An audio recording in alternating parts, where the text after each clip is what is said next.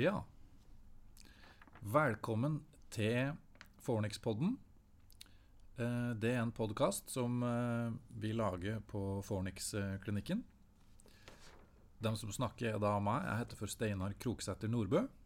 Og jeg heter Thomas Alexander Skog. Og jeg er eh, Vi er kommunikologer, heter det, begge to. Og jeg er utdanna i ernæring i tillegg. Og jeg er også kommunikolog, og så er jeg utdanna lege med spesialistkompetanse innenfor bildediagnostikk, og særlig bildediagnostikk på nervesystemet. Og så har jeg også en videreutdanning innenfor eh, funksjonell medisin. Som da er en type livsstilsmedisin. Det er det vi sier nå for tida? Ja. Mm. For leger. Mm. Yes. Og så driver vi en, eh, en eh, klinikk der vi arbeider sammen, vi to. Som heter Fornix-klinikken på Helsfyr i Oslo. Mm. Eh, og så en ting vi gjør der, er at vi publiserer mm, artikler om måten vi arbeider på, og måten vi driver på. Ja, te temaer som vi ofte kommer borti i, på klinikken her. Måten vi forstår ulike helseproblemer på. Og generelt så har jo vi en ganske da systemisk, helhetlig tilnærming til ulike helseproblem. Mm. Vi tror at ting henger sammen, og de henger sammen individuelt for hver enkelt person som kommer med sine problemer, så er det sammenhenger her som er ofte Det er likheter, selv om alle har sine unike historier. Yes. Så den podkasten som du hører på nå, den heter da for eh, Eller heter for Den handler om utbrenthet, slitenhet, fatigue, godt i veggen, utmattelse Orker ikke mer. osv. Og den er basert på en artikkel, en skriftlig artikkel som det går an å finne på websida vår, fornixklinikken.no, hvis du heller vil lese om det her. Mm. Så det er podkastvarianten av den artikkelen. Og dette med utbrenthet og slitenhet, det er ganske vanlig, og det forekommer i mange forskjellige grader. Det er noen som bare kjenner på at de ikke lenger har den samme energien og overskuddet som de har vært vant til å ha. Mens andre kan ha kommet i en situasjon hvor de omtrent ikke orker å stå av senga. Og det er liksom kontinuitet i eh, alvorligheten av symptomtrykk da, som blir presentert. Og så er det noen som har at det er en veldig klar, klar grunn til at de er, er veldig utslitt. F.eks. Eh, kreftbehandling eller andre former for eller behandling av sykdom og andre ting. Eh, og så er det kanskje enda mer vanlig at det er veldig sammensatt. Ja, det er nok det vanligste. At folk har levd travle liv med veldig mye belastning. Eller ikke nødvendigvis veldig mye belastning, men litt for mye belastning over altfor lang tid. At det blir en uh, ubalanse mellom, uh, mellom eh, innsats og restitusjon. Da. Og det er det vi da skal snakke om i den podkasten her. Så et utgangspunkt for oss, det er at uh, utbrenthet, utslitthet, det oppstår ikke i løse lufta. Det bare skjer ikke ut av det blå. Det er bestandig noe som har foregått før. Det, det er summen av mange ting, kanskje, sannsynligvis, som har foregått. Der ett av resultatene, eller en av konsekvensene av det, er at vi har blitt helt utmatta, helt utslitt. Mm. Og det betyr at en kjempeviktig en, et, en, en, en kjempeviktig eh, sak i å drive med behandling av det her, det er å skjønne og finne ut hva slags bakenforliggende faktorer er det som har foregått, og på hva slags måte har de hatt betydning for akkurat deg. Ja. Hvordan har livet vært? Hva har du spist? Hva har du gjort? Hvor mye har du jobba? Hvor mye har du hvilt? Hvor mye har du trent? Hvor, ja. Hvor mye har det handla om deg? Hvor mye har det egentlig handla om alle andre? Mm. Og, og det her er òg forskjellig. Så, så to folk som har hatt veldig like bakenforliggende årsaker, da. Mm. Uh, den ene kan bli utmatta, den andre trenger ikke å bli det. Mm.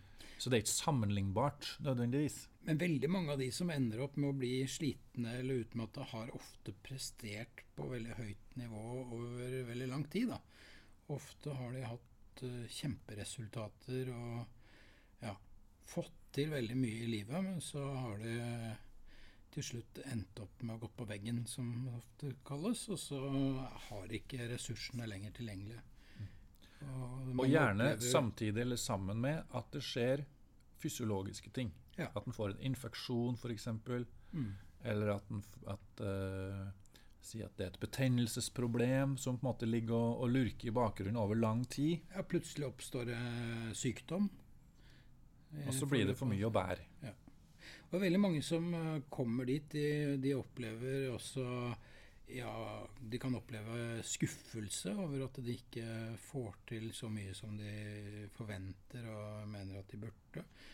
Noen kan eh, skamme seg over at de ikke lenger eh, får til det de har vært vant til å få til. Så det er, det er også mange sånne følelsesmessige aspekter ved det å og havna i en sånn utmatta tilstand, da, som ikke nødvendigvis fører til noe bedring. Yes. Så punkt nummer én for oss det er å skjønne hva har foregått som har gjort at du har havna der du har havna. Mm. Og punkt nummer to det er at øh, uavhengig av hva som har ført deg dit du har havna, så utbrenthet og slitenhet og det der kommer, veldig, kommer gjerne med et sett med konsekvenser i tillegg. Mm. At den slitenheten er ikke bare en, en uh, tankesak. Det har gjerne fått konsekvenser for kroppen din. Mm. Så sjøl om vi på en måte finner ut av hva Sjøl om vi finner ut av hva som har, hva som har foregått før, uh, så, så, må vi likevel ordne opp i konsekvensene av det mm. etterpå. Mm. Det hjelper ikke bare å finne ut hvorfor det har skjedd. Mm. For kroppen din har da eventuelt utvikla sykdommer eller Det er et annet utgangspunkt når uh, utmattelsen har, har uh, man, Er det ikke bare å uh, trykke på kontroll alt elite og så starte som om alt var for før. Man må, man må starte der man er, og så begynne å jobbe derfra. Og det er ikke sånn at det ikke er mulig å få energi og få overskudd igjen, men man kan ikke ha forventninger om at det er en quick fix som gjør at du gjør bare sånn og sånn, og så er alt som før. Det skaper som regel bare urealistiske forventninger og bygger opp under en vedvarende form for skuffelse og ja. Og mange spør seg sjøl, eller blir spurt av legen sin, eh, om er det her en fysisk ting, eller er det en psykisk ting. Mm. Er det fysisk årsak, eller er det psykisk årsak? Og det i boka vår et helt, uh, helt Den ting vi ikke lurer på. For det er Begge deler. Det er begge deler. Mm. Og så er det begge veier. Det er ikke sånn at fysiske ting blir til psykiske ting, og psykiske ting blir til fysiske ting. Det henger sammen. Det er et samspill. Så det kan godt, det kan godt gå an å tenke seg at Si at det er hovedsakelig fysiologiske årsaker da, til Og likevel så kan jo da den utmattelsen ha gitt psykiske, mentale problem etter det igjen. Mm. Så sjøl om vi får gjort noe med det fysiske som førte til utmattelse, så kan det være at de psykiske, mentale i gåseøyne problemene etterpå er like viktig å få ordna opp i. Ja. Og motsatt. At det hovedsakelig er følelsesmessige, atferdsmessige grunner til, til utmattelse men så får det fysiske, fysiologiske utspring mm. konsekvenser for kroppen. Mm.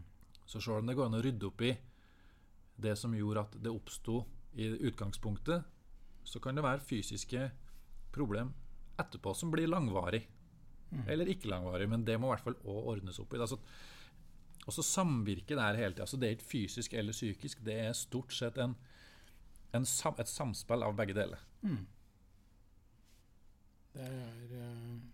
Jeg tror aldri jeg har vært borti et tilfelle hvor det, jeg kan sitte og si at dette her er bare ren fysikk. Og ingen, eh, ingen følelseskomponenter involvert. Og det, og det, er heller aldri sånn at, eh, at, dette er bare psykisk, og det ikke er noe kroppslige aspekter inne i bildet. Det er uh, en fin blanding av begge deler. Og så, hvis vi da skal kutte ned til beinet her, da, Thomas. Mm. Hvorfor blir folk egentlig utbrent, utslitt? Altså, det er jo øh, Det er jo lett å si at dette skyldes vedvarende høyt stressnivå. Altså at vi er øh, øh, altså at vi, at vi er belaster mer enn det vi restituerer. og står på mer enn det vi egentlig har ressurser til. Og at vi ender i, i, minus. da. Litt i minus hver dag. Så er det bare et spørsmål om tid før kontoen er tom. da. Og For noen så kan en utbrenthet komme i løpet av veldig kort tid, hvis det er veldig stor belastning og, og, og en veldig stor ubalanse mellom, mellom ressursbruk og oppbygging. Men det vanligste er nok at dette kommer over mange, mange år. Mm.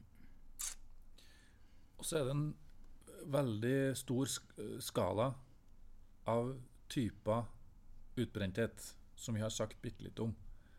Den ene enden av skalaen er jo total total utmattelse. Altså helt, helt Ligger på mørkt rom, klarer ikke å reise seg opp av senga. Ja. Type Utmattelse? Når, når liksom det autonome nervesystemet har kobla helt ut av blodtrykksfall når man reiser seg opp fra, fra stående stilling og sånt. Og da, da, er, da, er, man skikkelig utbrent. Men det, det, kan være Det vanligste er nok at man heller går rundt og kjenner på en vedvarende slitenhet. Det kan være en mental slitenhet, at man ikke klarer å konsentrere seg. Det kan faktisk være et symptom på slitenhet at man ikke klarer å sove, få hvile. Det er jo et paradoks at det, det å komme på plussida, det krever at man har et visst overskudd. da. Så, så utbrent det å være det å ha energimangel det er jo en forutsetning for å bli utbrentet, men det er også en premiss som på en måte skaper hele situasjonen. Så det er en ond sirkel her som må brytes. da. Mm. Så vi, vi, har jo et kontor der vi tar imot folk. Så for at vi skal få til å arbeide med deg, så er vi litt avhengig av at det, eller For å arbeide med folk, så trenger vi at folk kommer, klarer å komme seg hit. Ja. Det er jo et slags minimum. Og så er det ikke sånn at du må være helt i kjelleren for å komme hit. Det går òg an å sette i gang med ting for, deg, for, den som går rundt og er litt småsliten, og kanskje merker at nå, nå blir jeg mer og mer sliten. Nå må før det går ordentlig galt. Og som kanskje har prøvd mange ganger å ta seg sammen og, og hatt uh, planer om og ambisjoner om at det å komme, komme i gang og, og, få bukt med slitenheten kanskje bare handler om mer disiplin, at man har uh, vært nøye med kosthold, man trener regelmessig og, og, gjør mange av disse tingene som, er, uh, som tidligere har fungert. Da, men så kjenner de fleste på at det, at det butter imot allikevel. At det, det er ikke bare snakk om å ta seg sammen lenger og, og kjøre på, liksom. Det stikker dypere enn som så. Mm. Ok. Og så eh, det her med fysisk og psykisk, da. Eh, for eh, i veldig stor grad så snakker vi jo her om stress. Og vi snakker i veldig stor grad om stress av typen sånn hverdagsstress, jobbstress, forventninger som er vanskelig å tilfredsstille, enten fra deg sjøl eller fra omverdenen, eller som du tror at omverdenen har til deg sjøl. Ja, økonomisk usikkerhet kan være en stressfaktor.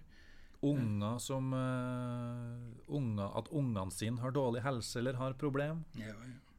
Mm. Det, er vel, altså, det er mange ting her i verden som kan være stressende for folk. Mm. Og så kan du jo si at stress er jo bare stress. altså Det er jo, det er jo tanker da, uh, så det, det, å gå og tenke på ting som er et pro problem, det er på en måte Det er jo en tanketing. Men saken er at det her virker jo òg på kroppen. Ja. Og hva, hva, slags måte virker stress på kroppen på?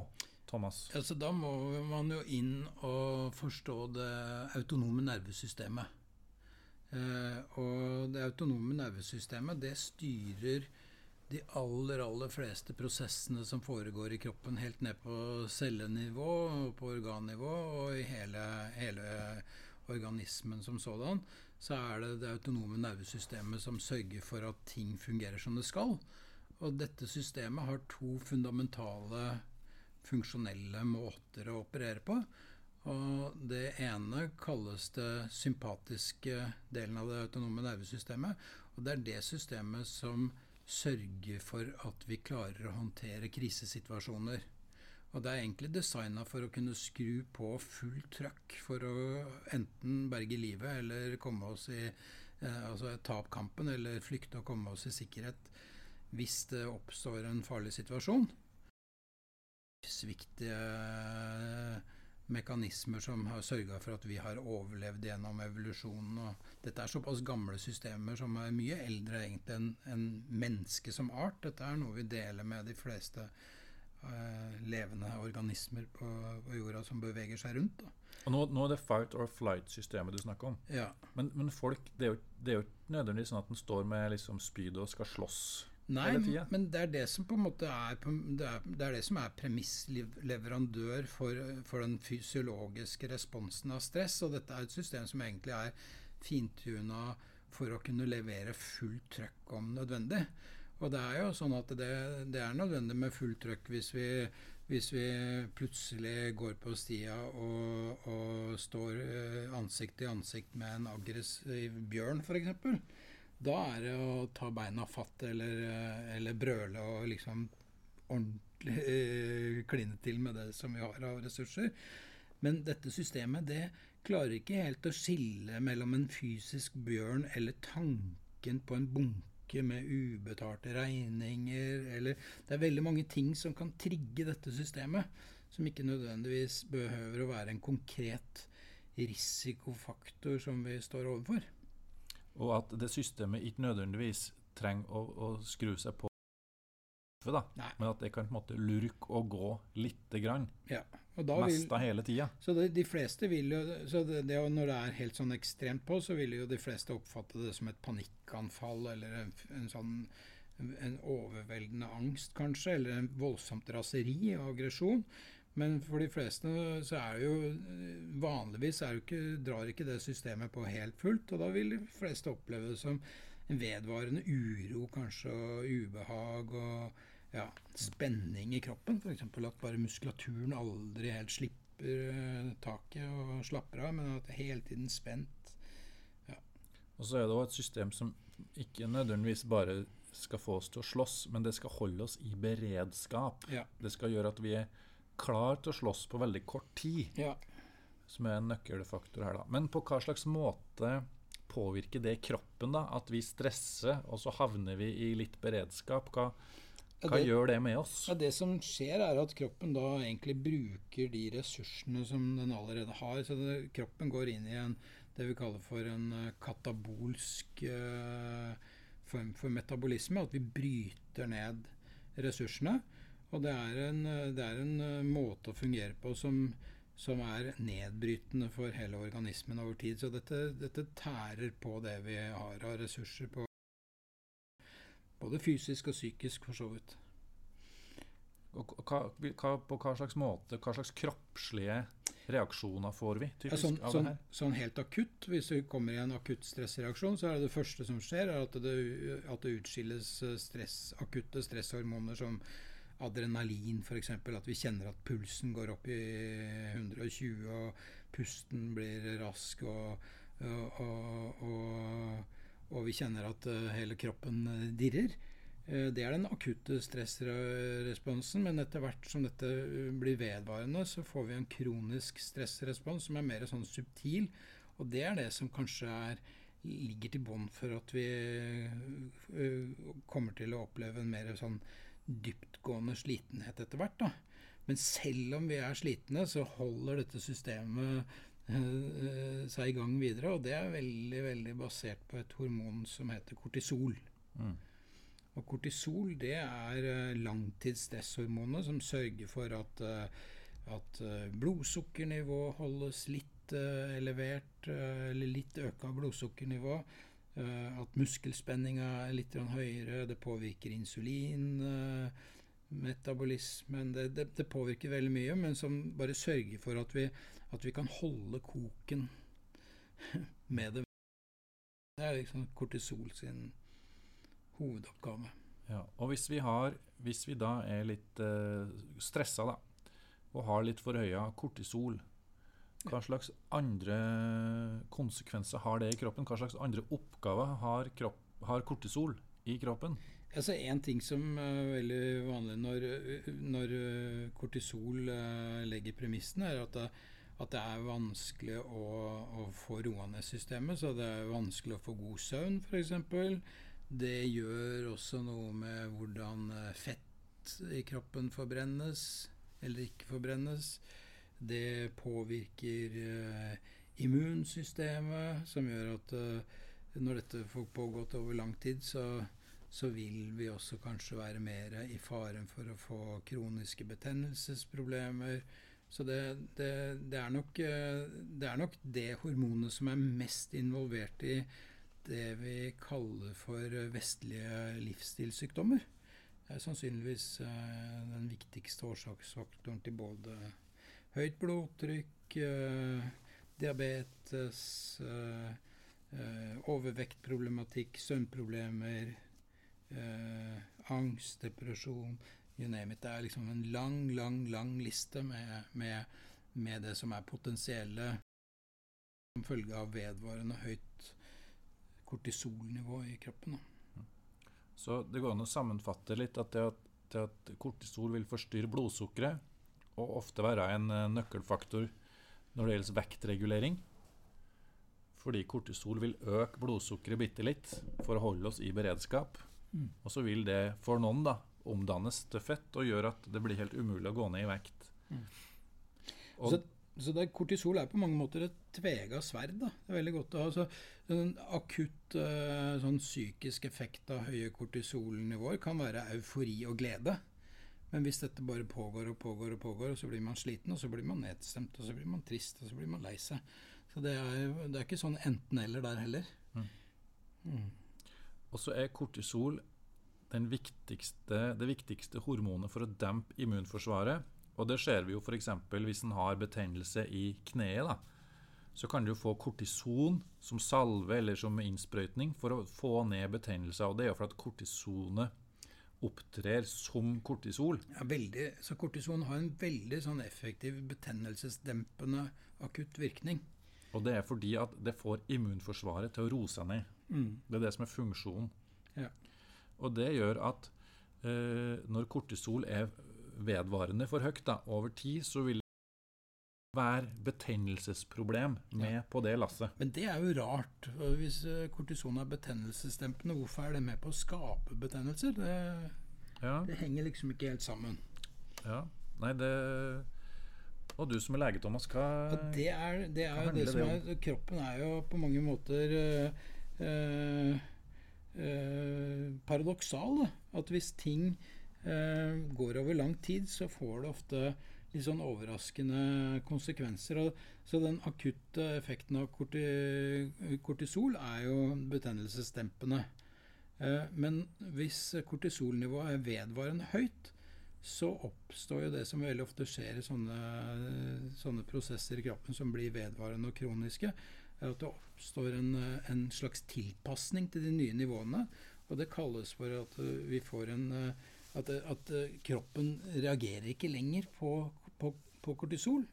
Og vi får en slags resistens, kortisolresistens. Akkurat som uh, diabetikere kan få insulinresistens, så kan også immunsystemet bli eh, mindre responsivt til kortisol. Og da har man liksom bare lagt et ny baseline på et høyere nivå av kortison. Eller kortisol.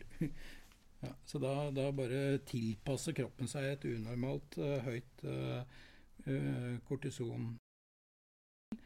Uten at det har den bremsende effekten. Kan du også si litt mer om, om, om søvn og døgnrytme og kortisol? Hva er linken der? Ja, de, de Altså, hvis du, hadde, hvis du får eh, kortisonbehandling da, i tablettform, så er det veldig vanlig at, uh, at det kan uh, medføre søvnproblemer. Uh, og, og, det samme har også kortisol, altså det fysiologiske kroniske stressnivået. At det påvirker døgnrytme og også de fysiske, fysiologiske forutsetningene for å få god søvn.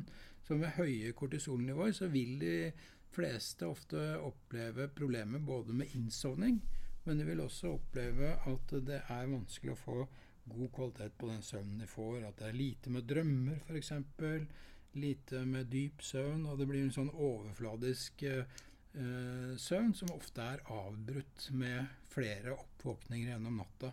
Og ofte så våkner mange som har kronisk stress, eh, gjerne sånn eh, 4.50 av på morgenen etter å kanskje bare ha sovet en tre-fire timer, og klarer ikke å sovne igjen. Så, så, kortisol har veldig stor påvirkning på søvnkvalitet.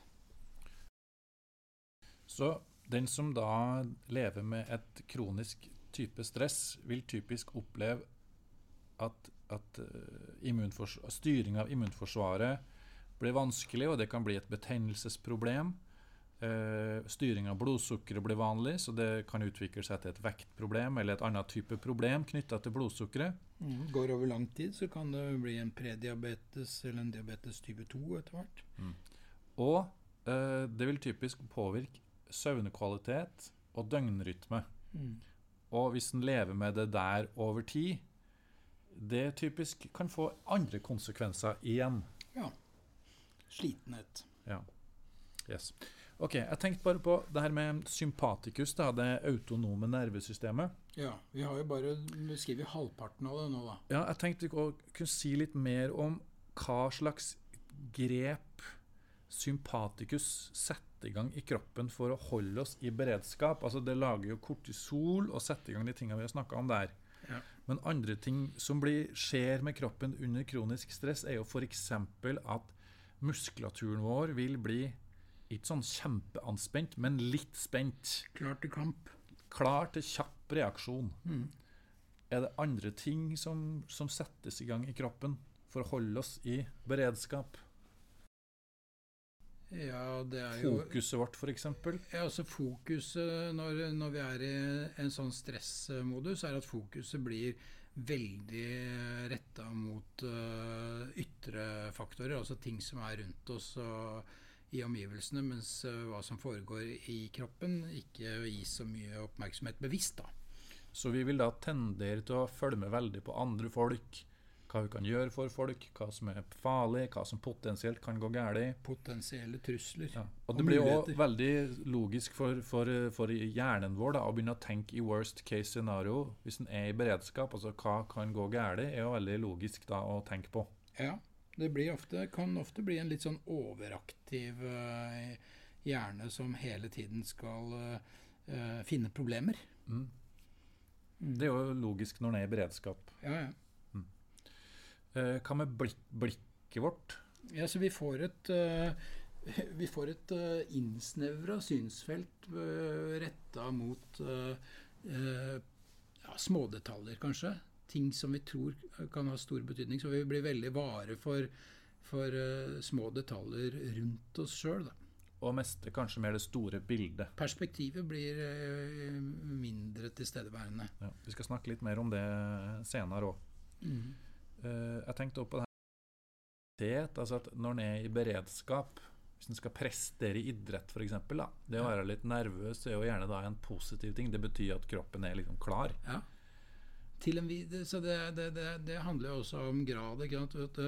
Det å være litt uh, altså det, det, å få aktivere det sympatiske nervesystemet, det er jo helt avgjørende, si f.eks. i en kampidrett eller uh, en fotballkamp. Eller noe. De fleste som, som, er i en sånn type aktivitet, har et høyt uh, og, og fysiologisk hensiktsmessig aktivering av det sympatiske nervesystemet. Og det gjør at vi faktisk klarer å levere når vi må. Eh, det er ikke noe tvil om. Så en ting Vi har Vi får jo ganske mange kunder som har eh, fordøyelsesproblem som hovedproblemet sitt, eller som en del av problemet sitt. Da. Ja, og det Hva er- har det med det her å gjøre? Ja, Det er jo sånn at eh, det sympatiske nervesystemet, når det på en måte legger premissene, så har jo ikke fordøyelse noe prioritet i, i kroppen.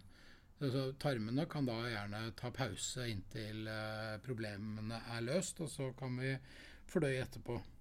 Så det er veldig mange som har eh, altså et, eh, et eh, kronisk sympatisk påslått nervesystem enten med treg mage eller med løs og hyppig avføring. Men stort sett veldig sjeldent at disse opplever at magen fungerer bra.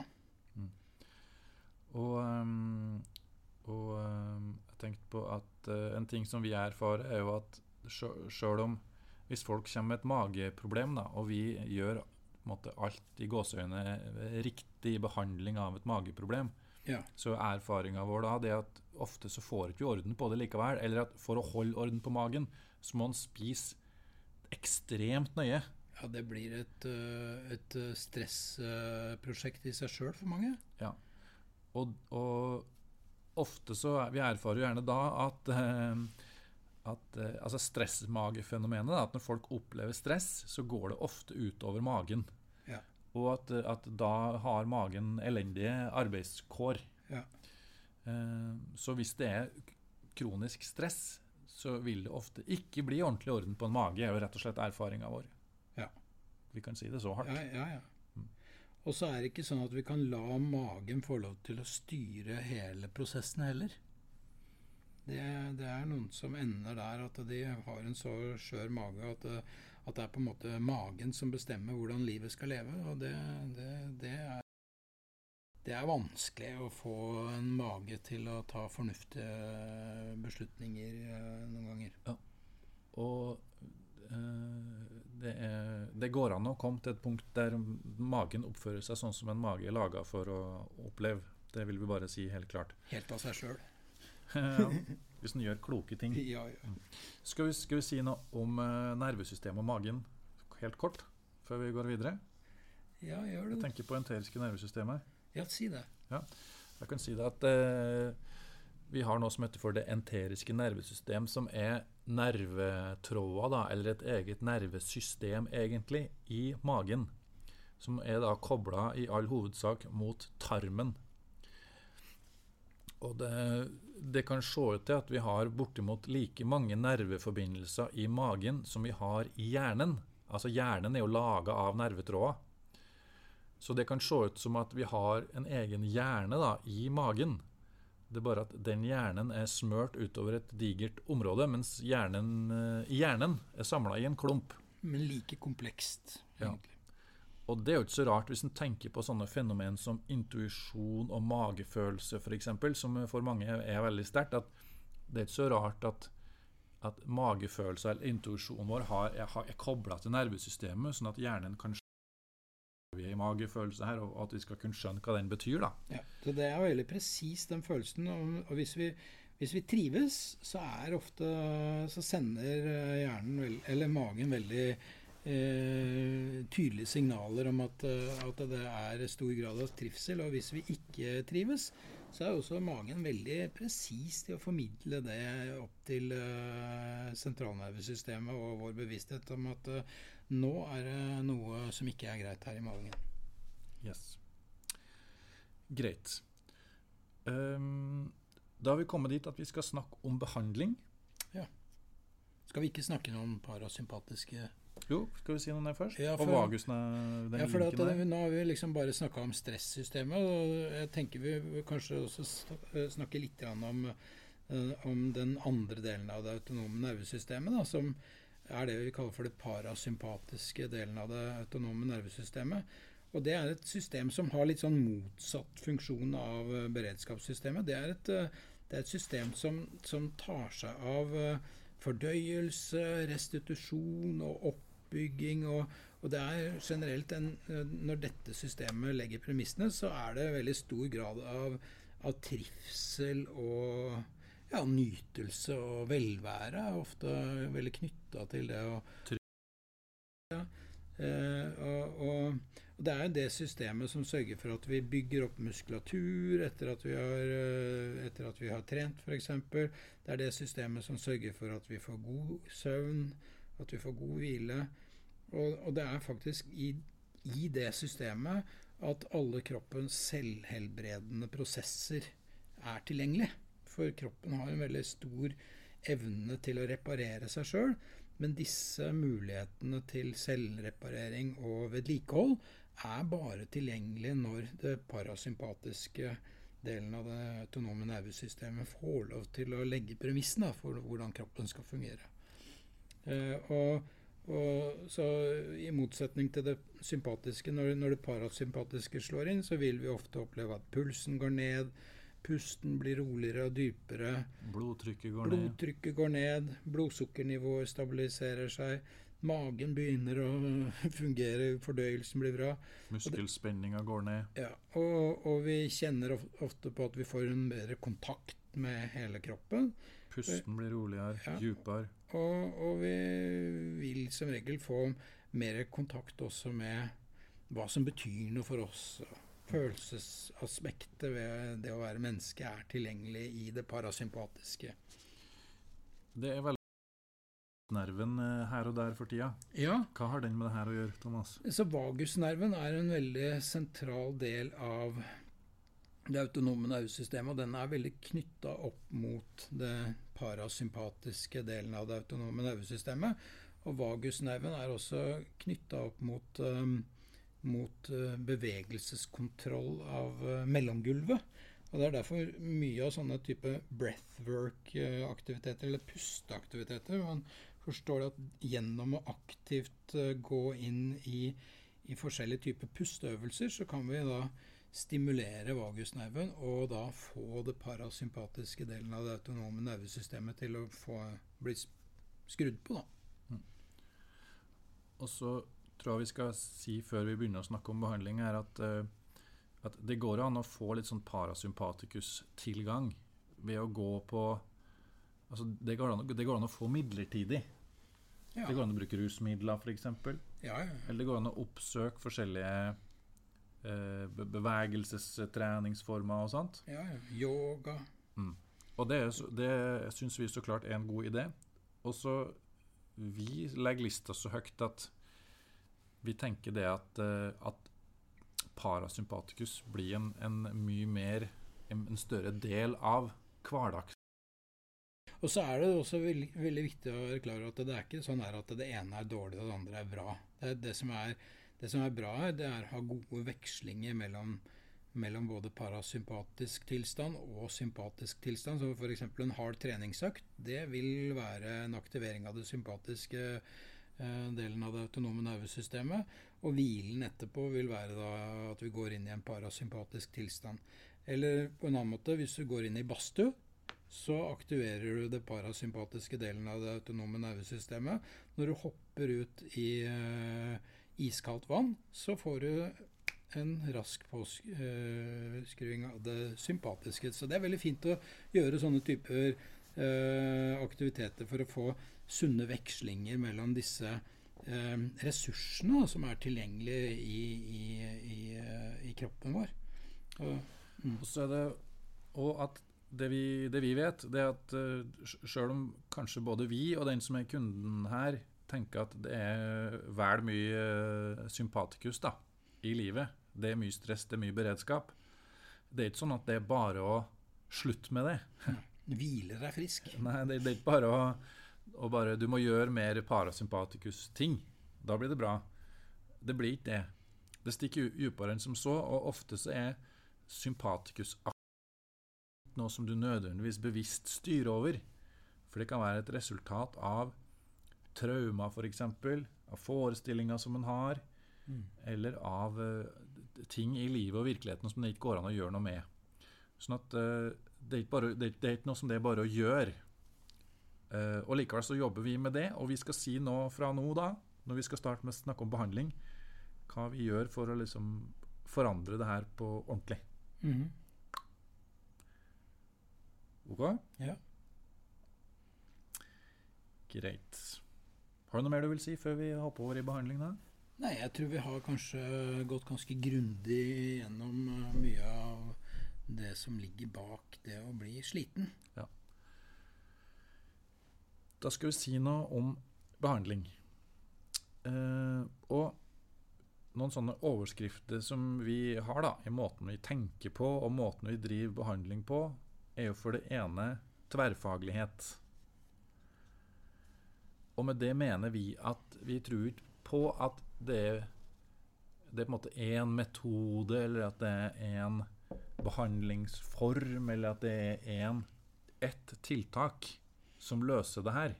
Nei. Vi tror at det er et sammensatt problem, og det må et sammensatt tiltak til. Problemene er forskjellig for hvert enkelt individ, så derfor så det som eventuelt fungerer for én, er ikke sånn at man nødvendigvis automatisk kan eh, gå ut fra at det vil fungere for andre. Det kan hende at det vil også fungere bra for andre, eller i hvert fall deler av tiltakene sånn. Men det viktige er å forstå at eh, alt sånt som gjelder sånn type behandling, bør tilpasses eh, individuelt. da. Og så er det Det ene er jo på hva slags måte historia di og traumene dine har påvirka deg og etablert væremåter, tankemåter, tankemønster, atferdsmønster som igjen skaper stress. Opprettholde stresset. Det er på en måte én ting. Det andre er jo de medisinske forholdene. Mm. At det vil jo være, eller det kan være, medisinske forhold der, fysiologiske forhold, det kan være sykdommer, det kan være Det må man uh, undersøke og ta rede på i hvert enkelt tilfelle. ja, Så i vår verden er det på en måte aldri det ene eller det andre. Vi har bestandig som utgangspunkt at det er veldig stor sjanse for at det er, at det er flere ting samtidig. Og det er det vi mener med tverrfaglighet, da, at det er veldig ofte at det er mentale, traumebaserte problem. Det er veldig ofte at det er medisinske problem, det er fysiologiske problem, det og det er livet, det har med livsstil å gjøre, det har med helt, helt Prioriteringer? Prioriteringer. prioritering av helt konkrete ting i livet, Mm. som ikke er bare å ta bort heller. Nei. Så hva som må gjøres for hver enkelt i hva slags rekkefølge, er helt forskjellig. Mm. Det er det vi legger i det. Og vi, vi, vi vurderer ikke det ene som viktigere enn det andre, vi. Det er helt gitt av hvem som kommer til oss, og hva det handler om. Og så er det, øh, det kan jo høres veldig veldig komplisert ut, men som regel så klarer vi å finne ut av, av hvilken øh, rekkefølge og hvilke tiltak som er hensiktsmessig å sette i gang med etter en øh, første konsultasjon på en og en halv time. Så er det veldig sjelden at vi ikke har en idé om, og ikke bare vi, men også kunden som, øh, som kommer hit, forstår hvordan dette henger sammen, og hva som er hensiktsmessig å gjøre noe med for å, for å komme i gang. da. Ja, for det å forstå sammenheng er et nøkkelbegrep for oss Ja. her. Og kanskje vi skal også For at eh, altså, helhetlig tilnærming, systemisk tilnærming, holistisk tilnærming, eh, systemteoretisk tilnærming Det er jo sånne forskjellige ord som brukes, da. Ja, men, men i hvert fall jeg, jeg tror at, øh, at øh, universet henger sammen, og det tror jeg sammen våre historier, at det er sammenhengende ting, at det er, det er mulig å forstå ganske mye i sammenheng, da. Og så går det an å også sette ting, plukke ting fra hverandre og, og forstå det mer som eh, eh, separert og isolert fra helheten, og gå inn i detaljer på en enkelt substans og en del. Men veldig ofte så forstår vi ting her eh, i, i sammenheng, da. Og så vil ting samspille og forsterke hverandre. da. Så at hvis f.eks. det er et kronisk stress i livet, og så blir en konsekvens over tid blir f.eks. et tarmproblem som ikke funker, så kan jo det bli forferdelig stressende å, være avhengig av å ha en do innenfor eh, 50 meters rekkevidde til hver tid, f.eks. Mm. Og så vil det kanskje påvirke det første stresset igjen. Og så spørs det jo hvorfor en kanskje en tenker at det er doproblemet som er det største problemet sitt. da. Mm. Men så har doproblemet kanskje ikke vært der. Så Vi må skjønne hvordan det henger sammen. Mm. Og det det, det er ikke gitt hva slags rekkefølge det er lurt å ta ting i, men når vi sammen med kunden skjønner det, så syns jeg at vi får til det bra. Og så er det jo en, en ting som også- er ganske vanlig forekommende og nesten litt sånn paradoksalt, det er jo at, eh, at mange blir jo nesten avhengig av det stresset de har eh, endt opp med. Ja, bli arbeidsnarkoman, f.eks., eller opptatt av hele tiden være i full aktivitet. At en identifiserer seg med sitt eget stress og den rollen som en har laga seg der. Og det skal være et høyt aktivitetsnivå, og veldig ofte så er nok det høye aktivitetsnivået som mange har vent seg til, det kan fungere som en slags sånn avledningsmanøver mot noe som ligger under og lurker ofte. da. Et traume for eksempel, som en helst ikke vil tenke på, eller, helt, eller helt ikke, helst ikke vil forholde seg til. Ja, eller noe man skammer seg over ved seg sjøl, f.eks. Yes. Så når en ny kunde kommer til oss, så har vi en, eh, en utredningstime som tar 90 minutter. Og det vi er opptatt av da, det, er- det er jo et samspill, at vi snakker sammen. Vi har veldig mange spørsmål, mange ting vi lurer på. Den som kommer til oss, har ofte en, en historie å fortelle, som en må få tid til. Og det som er viktig for oss, det er å forstå. Forstå den som kommer hit, at vi har god nok tid til det. Og da vi trenger å vite hva slags symptom som er. Vi vil høre historier om livet. Vi vil høre hva som har skjedd med den som kommer hit, som har på en måte forma Ja, de store overskriftene. ja, de store, viktige tingene. Vi trenger Og så er det ikke sånn at vi trenger å vite detalj i innhold. Så hvis det har skjedd et eller annet som var uh, fælt uh, Personen var uh, fem år, f.eks., så holder det at, uh, at det blir sagt at det skjedde noe som var vanskelig da jeg var fem år. Og det, vi trenger ikke å, å gå inn i noen detaljer i hva som skjedde. Men da, da vet vi nok. Mm, I hvert fall nok til å gå videre. Ja. Og så kan det hende at vi oppdager at vi må håndtere det som skjedde da du var fem år. Men det gjør vi kanskje litt seinere. Og så kan det hende at vi kan få til det på en sånn måte at en ikke trenger å fortelle hva som skjedde en gang Ja. da òg. Ja. Det ganske Det syns jeg er noe av det mest fascinerende, når vi klarer å forløse ting som har, eh, har tynga folk ned eh, gjennom hele livet, uten engang å gå i detalj på hva som skjedde, og det er eh, greit. Vi skal si litt mer om det senere òg. Vi trenger å vite hva slags måter folk løser problemene sine på. Hva slags, hvem er du, og hvordan jobber du? Hvordan driver du på i livet ditt? Mm. Vi trenger å, skjønne hva slags stressfaktorer som er der. Vi trenger å forstå den som kommer hit. Mm. Eh, og så Hvor mye tid trenger man til dette? her? Altså Den første timen er, er 90 minutter. og Det betyr ikke at vi får svar på alle de spørsmåla her i de 90 minutter, men erfaringa vår er at vi får til å sette i gang. Mm. Og så kan det jo godt hende at her at vi skjønner at vi skal ta eh, blodprøver f.eks., eller andre prøver. Det kommer helt an på hva det handler om. Eh, og de prøvesvarene får vi jo senere. Mm. Men det betyr ikke at vi ikke kan sette i gang med, med ting for det. Eh, og at det kommer fram mer og mer måte, relevant informasjon etter hvert som vi på en måte kommer videre. Da. Eh, men generelt så tror jeg vi kan si at de fleste kundene vi har, de kommer hit en sånn åtte til tolv gang over en sånn fire til åtte måneder. Ja, og da har de fleste kommet dit de skal i forhold til problemstillingen. Og noen kommer hit mer og lenger, og noen kommer hit kortere Ja. og mindre. Mm. Og så betyr ikke det at vi mener det at alle kroniske helseproblem er på en måte kurert på fire til åtte måneder. Det er ikke det vi mener i hele tatt. Men det som er kanskje sluttresultatet etter fire til åtte måneder, det er at kunden er, har fått på en måte rydda opp i en, mange eller alle store faktorer som skaper stress.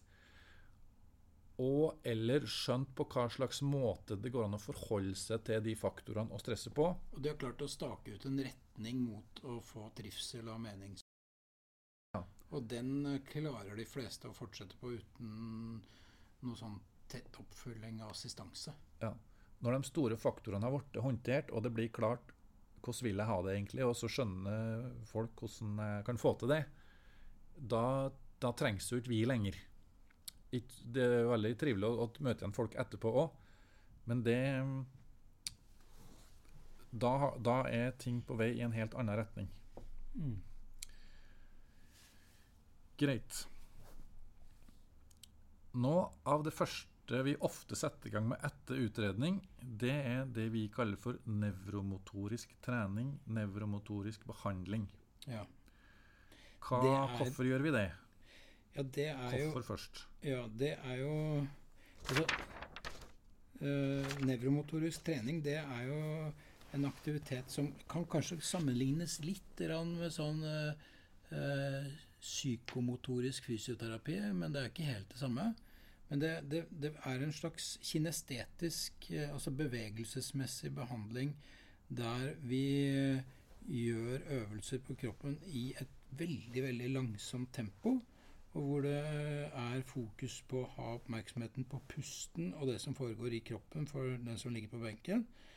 Og så er det det at gjennom å gjøre en sånn type får vi da aktivert det parasympatiske delen av det autonome nervesystemet.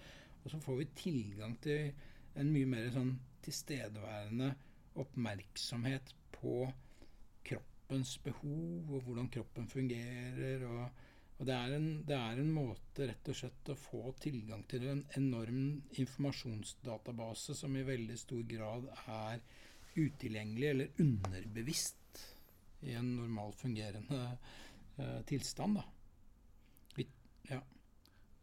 Og ved at det blir mer kan vi si, mer parasympatisk aktivitet, eller at, at det går an å ha mer tilgang til mer parasympatikus på benken her og i livet generelt, da, så mm. legges alle kroppslige faktorer for at det skal skje forandring, mm. til stede. Ja. Og så gjør vi, samtidig som vi gjør de nevromotor... Når, når det gjøres da med en terapeut, så gjør, gjør vi nevromotoriske øvelser. Og så kombineres det med forskjellige pedagogiske grep, egentlig, for at uh, man skal finne ut rett og slett uh, vi, hva som skal gjøres av endringer for å, mm. for å, for å få orden på den kroppen. Mm. Så mer så, så, det å påvirke sympatikus og parasympatikus, det er ett poeng når ja. du trener nevromotorikk. Ja. Og poeng nummer to mm. Ja, det er jo det at når, når, vi er tilstrekkelig lenge til stede i en sånn tilstand som, uh, hvor ting foregår langsomt Det kan, det kan også sammenlignes litt med sånn type qigong-aktiviteter, tai chi altså asiat, i, I Østen så har de holdt på med den type aktiviteter i, i, tusenvis av år, fordi de har forstått at dette er, er, har en helsegevinst, og at det er, at det er fornuftig å, å, legge ned tid og ressurser på å være i en sånn type tilstand.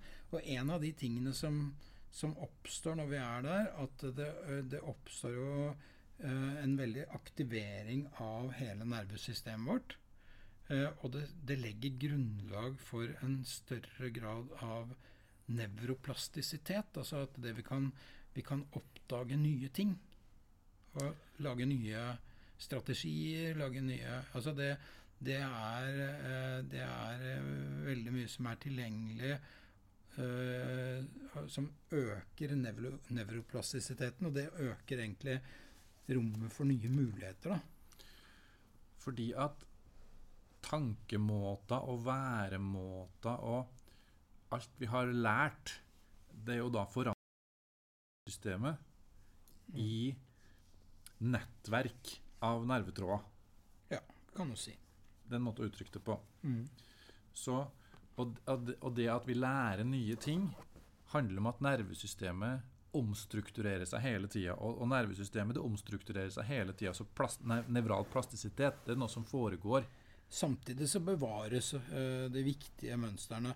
Og en, del, en, god del sånne mønstre, som, altså atferdsmønstre eller, eller nevrale nettverk, da, som, som, danner på en måte grunnlaget for hvem vi er En del av de uh, nettverkene kan vi eh, oppleves som eh, veldig hensiktsmessige, men det er ikke sikkert at de er relevante lenger. Og noen av de nettverkene har kanskje utspilt sin funksjon. At det var kanskje nyttig på en tidligere, tidligere fase i livet, men vi har valgt å holde fast med det, for det har blitt integrert på en, en, en så Det er sånn, sånn, sånn vi er. da. Og, og, det, det, det, og, det, er ikke nødvendigvis sånn at uh, sånne nettverk lenger er hensiktsmessig, men vi velger ofte å bare konservere dem for at det er kjent terreng, selv om de kanskje også har uhensiktsmessige kroppslige eller helsemessige konsekvenser.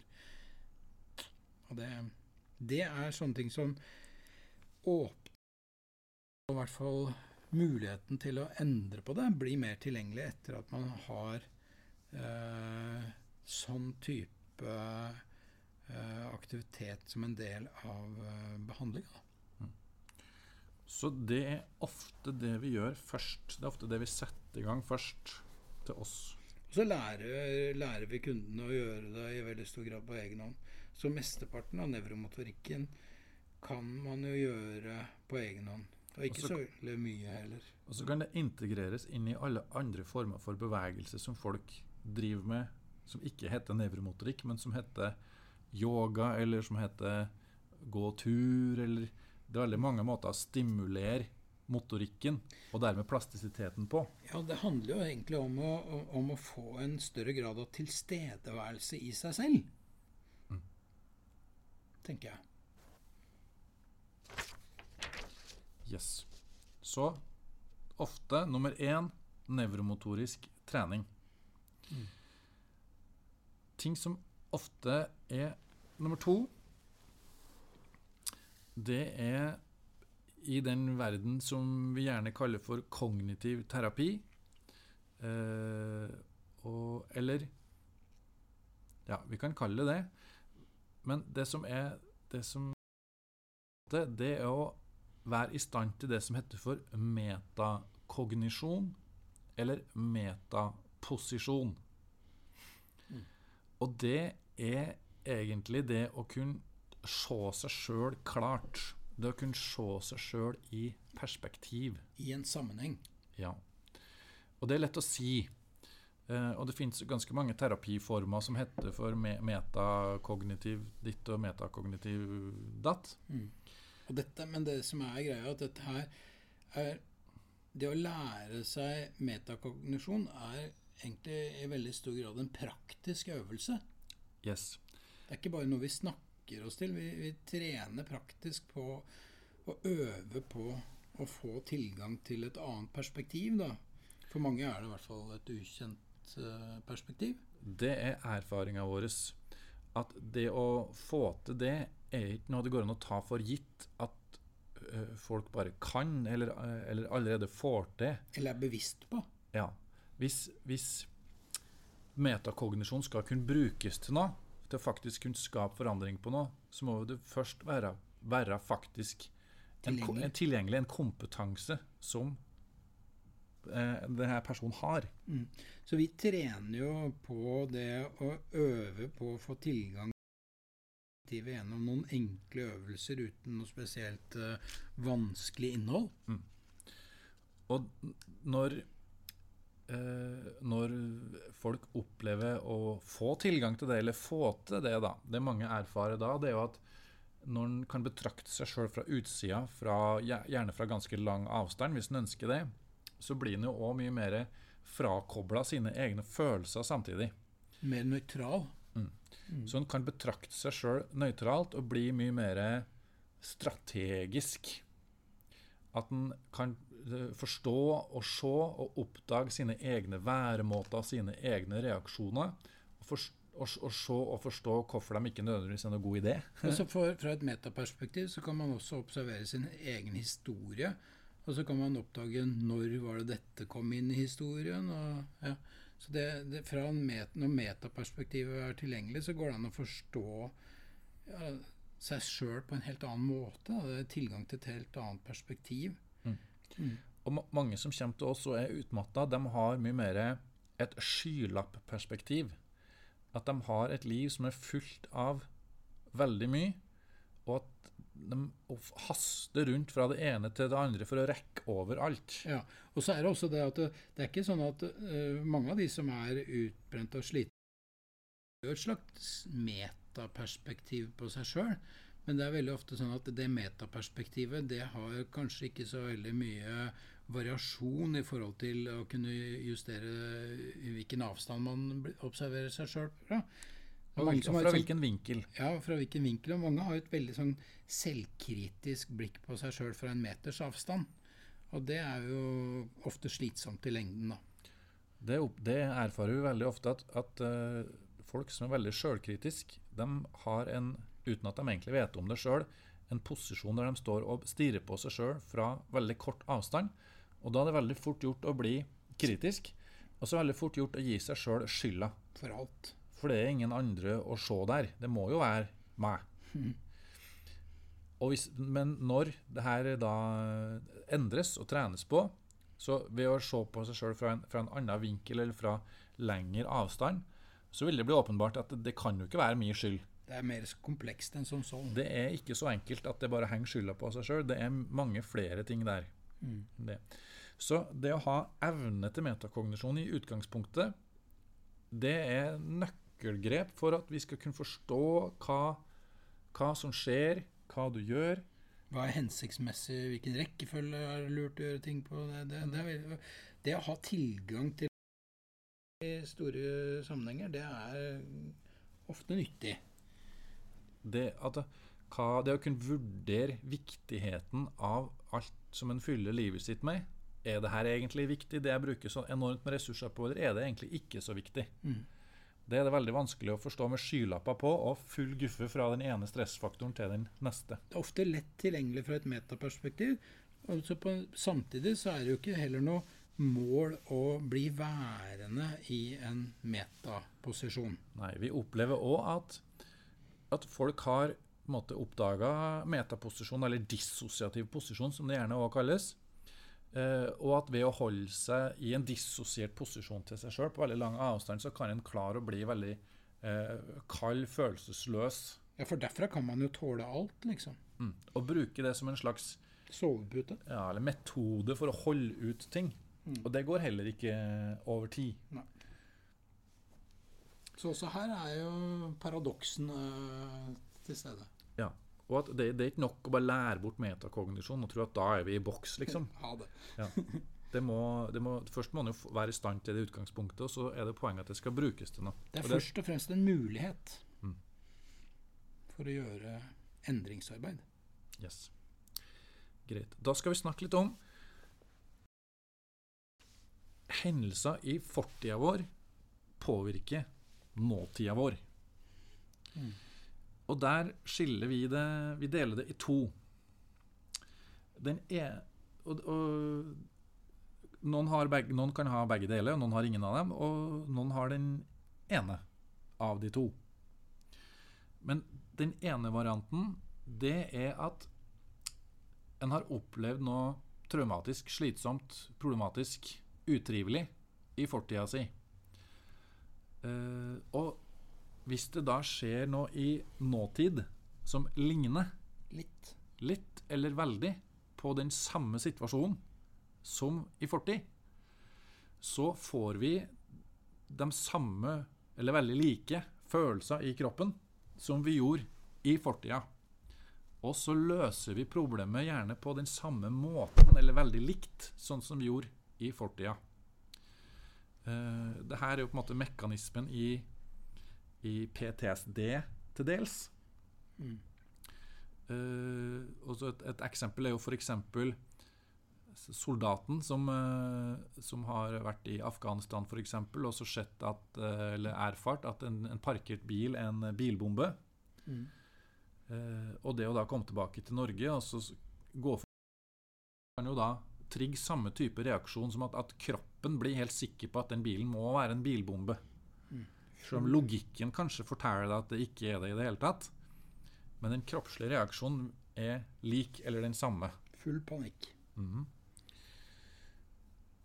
Og, eh, så, og det her med bilbombe er jo et veldig sånn kraftig, sterkt eksempel. Eh, det er nok mer vanlig med, med, med heller ganske mange men og mer subtile, ikke så kraftige, sånne typer reaksjonsmønster. Og ofte med uforståelige sammenhenger. Ja, det her spiller seg gjerne ut når folk gjør ting på jobb f.eks. som de kanskje ikke skjønner sjøl. Eller at en reagerer mye sterkere enn en kanskje skulle ha forventa på en nyhet, en dårlig nyhet f.eks.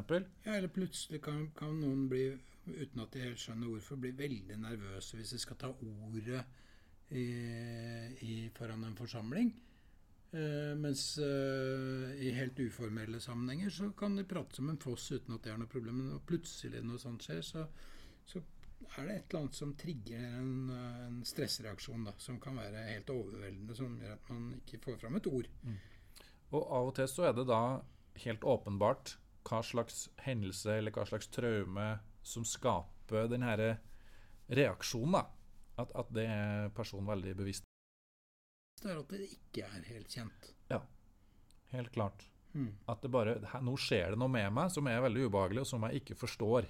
Mm. Det er nok det mer, mer vanlige. Mm. Det er variant nummer én. Og så variant nummer to, som vi skal snakke om, det er da at eh, i, i trauma, eller i traumefaser, eller i slitsomme faser i livet, da, så er det ganske vanlig at vi etablerer måter å løse det her problemet her på. Strategier. Vi lager oss strategier som funker der og da. Ja, og det kan hende at det var der og da. Det kan hende at det var når du var åtte år på barneskolen. Ja. Eller f.eks. at, at uh, Si at du lærer i uh, At du blir innprenta når du vokser opp, at det som gjelder her i livet, det er å arbeide steinhardt. Aldri gi deg. Eh, alltid gjør alt du kan i alle situasjoner. Da går det bra med deg. Flink gutt. Og det kan hende at det er en, en kjempesuksessoppskrift i, i skoletida di. Mm. Eh, og det kan være at du får veldig mange klapp på ryggen, du får gode karakterer, du får eh, God karriere. Ja. Du får kanskje en toppjobb, tjener bra penger. Så, så den her lært som, uh, som, barn uten at du kanskje vet at du lærte som barn heller. Den er fruktbar, den. Den har gjort jobben som, som tusen for deg. Mm. Og så kommer du kanskje til et punkt i livet der du har blitt litt eldre. Kanskje får du etter hvert en, en, et helseproblem. Kanskje flere helseproblem. Kanskje skjer det noe Kanskje blir det skilsmisse. Kanskje skjer det flere sånne Belastnings. belastninger, stressfaktorer, som på en måte stabler seg litt oppå hverandre. Hoper seg opp. Ja. Og så begynner det å tære på energien. Mm. Tære på ressursene. Og, og da kan det plutselig skje at det at du skal da være levere, at du skal gå all in, at du skal være gjøre eh, enorm innsats, og at det alltid skal bli et dritbra resultat. Det kan være at det går fra å være den største ressursen du har, til å bli ditt største problem. Mm. For du har kanskje ikke ressurser til det i samme grad som før lenger. Noen, da, når de oppdager at de ikke har alle disse ressursene som de har tatt for gitt tilgjengelig, når ikke de lenger er tilgjengelige, så for noen så kan det kulminere i en skikkelig, skikkelig krevende emosjonell fase. Mm. Og at en på en måte at en ikke kjenner igjen seg sjøl lenger. At uh, 'Jeg har jo alltid vært i stand til det her og lyst til det her, så her lenger', mm. for eksempel. Uh, et annet eksempel kan jo være f.eks. en som uh, ble, si, ble plaga eller mobba uh, i barneskolealder, mm. og kanskje løst det her ved å bli veldig aggressiv, da, eller gå rett i fleisen på folk. Uh, og kanskje, kanskje Det funka, det. Det funka, kanskje det takla kanskje det løst det her erte-mobbeproblemet som var under oppseiling eller var i ferd med å oppstå. da. Mm. Og da blir det f.eks. en læring om at uh, det å gå rett i fleisen på folk og være liksom rett aggressiv, rett på sak hele tida, det er Veien å gå. Det er veien å gå. Og det kan være en kjempesuksessoppskrift.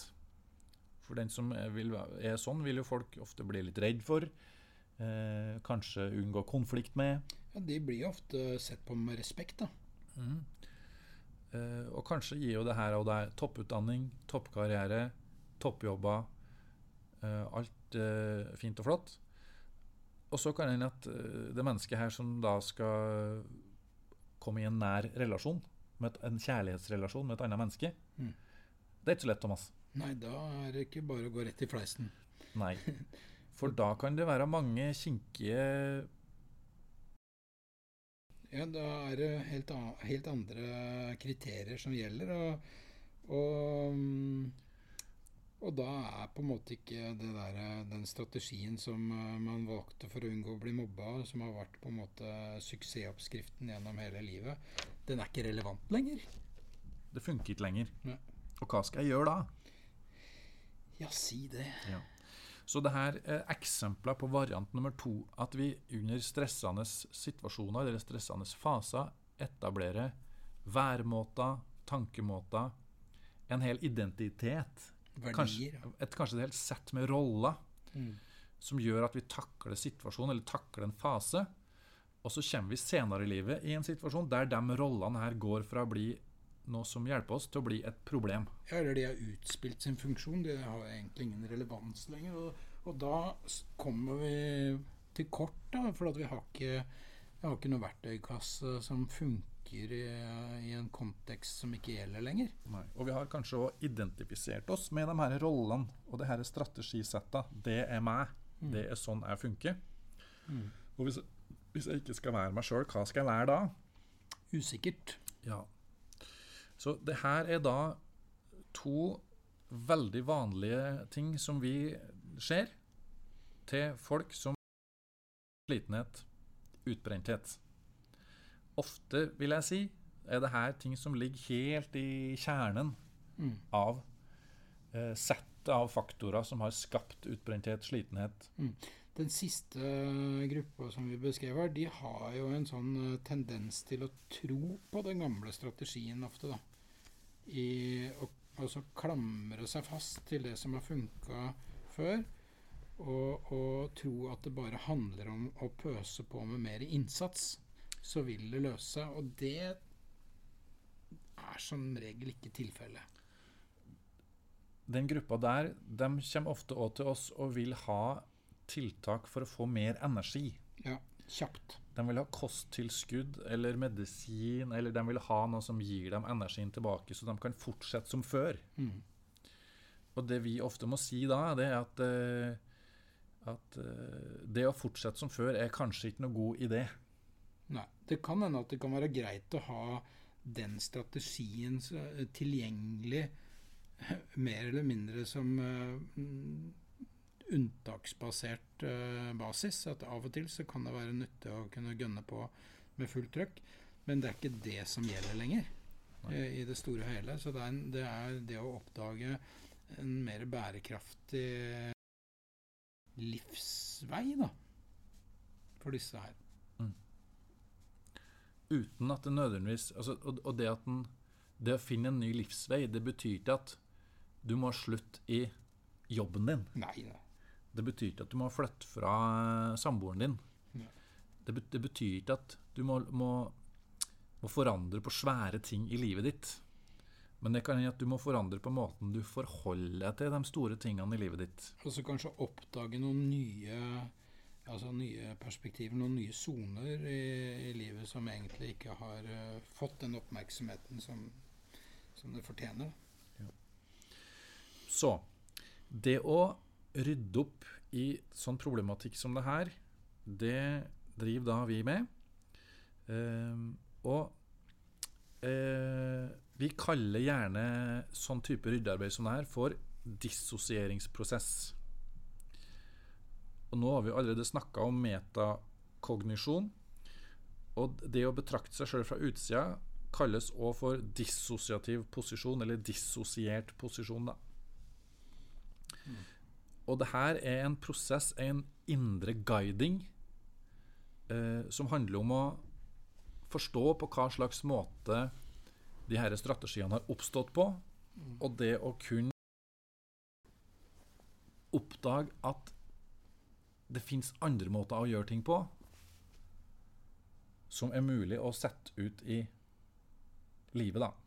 Og Det som er viktig kanskje å være klar over, at, eh, Og dette, altså dissosieringsbegrepet, det er da bruker man jo egentlig bare en, en, eh, et um, annet perspektiv på å betrakte seg sjøl for å få tilgang til noen nye perspektiver. Og det, det å det å, for det å, det å, gå rundt og være dissosiativ mer eller mindre hele tiden, det kan jo være et ledd i det man kaller for en depersonaliseringsprosess. Å miste seg sjøl fullstendig. Det er absolutt ikke det som er målet, men det er at vi bruker altså metatilgangen i et terapeutisk grep i, i prosessen. Da. Men ikke for at man skal bli værende i dissosiativ tilstand over lang tid. Nei for å kunne endre på måten hendelser i fortida påvirker nåtida vår på. Mm. Det er poenget. Og det vi erfarer, er at eh, når vi gjør det her på en ordentlig måte, så eh, går gjerne fortida fra å være noe som oppleves som et problem, til noe, noe som en prøver å styre unna, til å bli en ressurs og til å bli grunnlaget for eh, Og videre vekst og utvikling. Mm. Og det er jo ofte, da. At det, det er jo fantastisk eh, effekt av å gå gjennom sånne typer prosesser. At man kan jo oppdage at sider ved seg sjøl som man kanskje har ikke ville omfavne, eller kanskje som man kvia seg over eller skamma seg over, sider ved seg sjøl som man egentlig har prøvd å gjemme bort, det kan vise seg at det er de mest verdifulle sidene ved en sjøl. Det er jo ofte der gullet ligger liksom, i, mm. i en person. Når, når, det blir mulig. Så, så når, når, det her er, er, er problemet, så en, en, ting en del opplever da, det er jo at, at de f.eks. kan stå og holde foredrag for, for tusenvis av folk eh, mm. og framstå som kjempekompetent, enorm sjøltillit, eie helt situasjonen, levere top notch og stående applaus. Eh, og, og tilsynelatende alt er bra, og så uh, komme hjem og så føle seg elendig. Eller at sjøltilliten når, når, jeg er meg sjøl, er, er, helt elendig. Mens sjøltilliten når jeg er i jobbsammenheng, er helt på topp. Ja, det er mulig. Mm. Det er ikke noe, noe uvanlig. Uh, og, det, og, det, handler òg om det vi snakker om nå. Det å rydde opp i det. At vi, at vi lager det, kan si det at Veldig ofte så handler det om at en har laga seg roller som er funksjonelle innenfor visse områder. Ja, og så, og så, er det gjennom disse prosessene her så vil jo veldig mange oppleve at de eh, kanskje i mye større grad får tilgang til empati i forhold til seg sjøl. Og blir rausere med seg sjøl. Eh, for mange av, de, mange av de rollene som vi, som vi lærer å beherske gjennom den harde veien, den er veldig ofte eh, veldig lite raus eh, overfor den som står i, i, i hovedrollen. Mm. Ofte grenseløse krav til hva som skal gjøres eh, fra personen selv. Da. Og når vi har kommet til det til punktet at, uh, har, at de tingene her oppdages, og, og, og, gjør, og, det begynner å gjøres noe med, og det begynner å skje ting, så uh, går ofte sånne timer som det her mye mer over i eh, samtale og filosofering. For å på en måte forstå på hva slags måte har det her påvirka meg. På hva slags måte kan det her være en ressurs for meg framover. Mm. På hva slags måte kan jeg ta valg på andre måter. Mm. For det går nå an. De, de timene de er jeg veldig glad i når vi har kommet dit at da, da kan vi i veldig stor grad egentlig frigjøre oss litt fra eh, sånn konkret hvordan historien var, men da går vi ofte mye mer over til å bruke metaforer. Mm. Og bruke filosofi. Vi kan bruke referanser fra litteraturhistorie, vi kan bruke referanser fra musikk, eh, kunst og alt mulig. Og det er jo Og så skifter fokuset helt fra at dette nå gjerne har handla om, om, å rydde opp i eh, mm, problem, eller ting som har med fortida å gjøre. Ja. Uh, og så begynner det nå å handle om hvordan skal nå livet konstrueres. Ja, det blir fra problemorientering til løsningsorientering. Ja. Hvordan skal jeg nå organisere livet mitt sånn at det vil oppleves som meningsfullt for meg fra nå og i framtida mi? Det blir spørsmålet nå. Hvordan kan jeg få et liv jeg trives med å leve i? Og så det, hø- det høres jo veldig fint ut. Det vil jeg gjerne være med på. hvis du kunne hatt det. Altså, skal jeg si at um, For det kan være litt fristende å tenke at det skal vi starte med med en gang. Uh, og det har vi jo prøvd en del. Uh, men det funker ikke så bra. Fordi at situasjonen ofte ender opp i da, det er at en teoretisk skjønner at en burde ha gjort ting annerledes. Vært lurere enn det. Skulle ha løst problemer på en sånn måte. Det hadde vært lurt.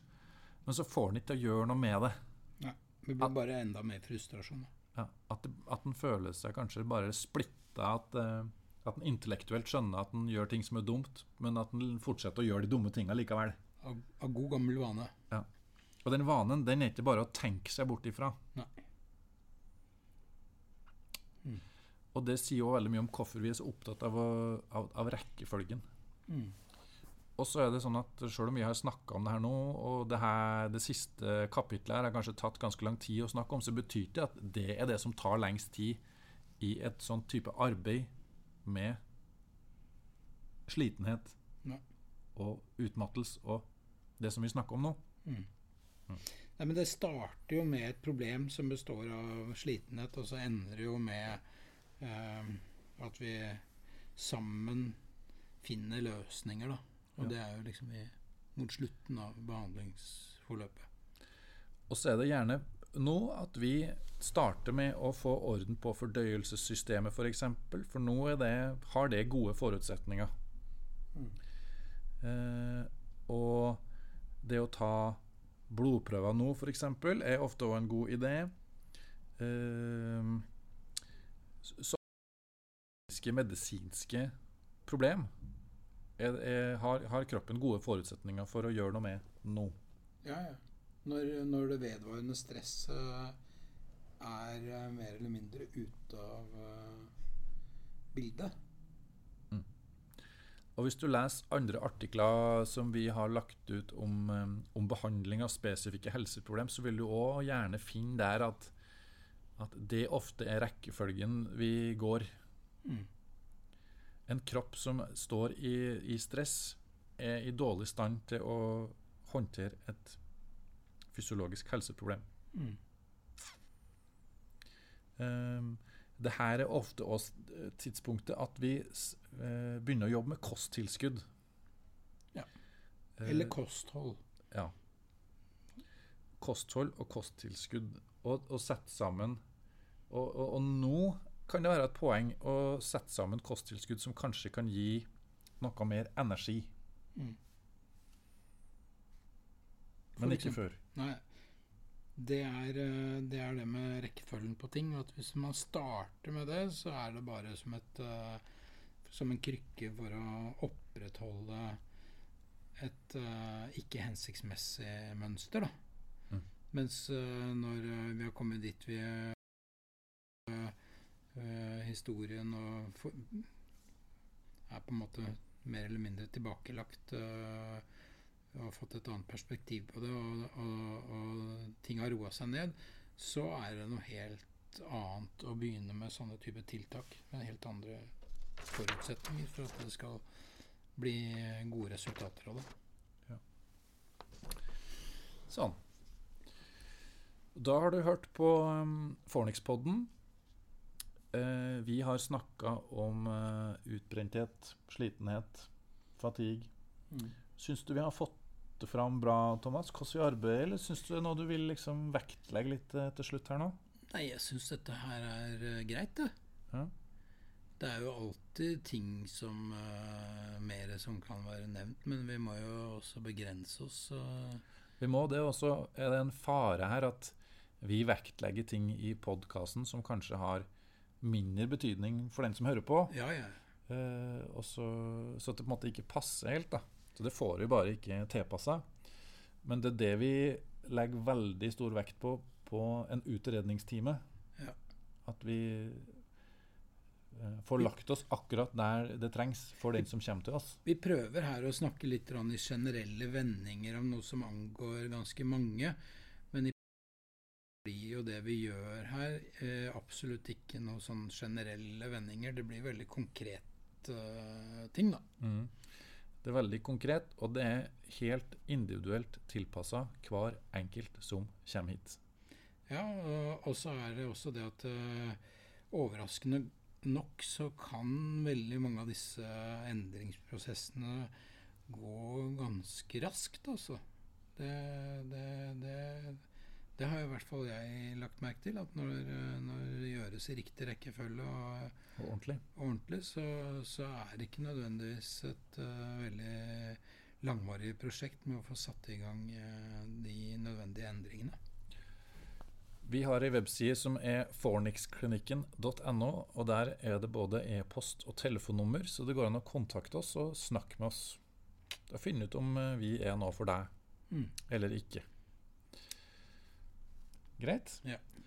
Da sier vi takk for i dag, da. Takk for i dag. Takk for at dere hørte på.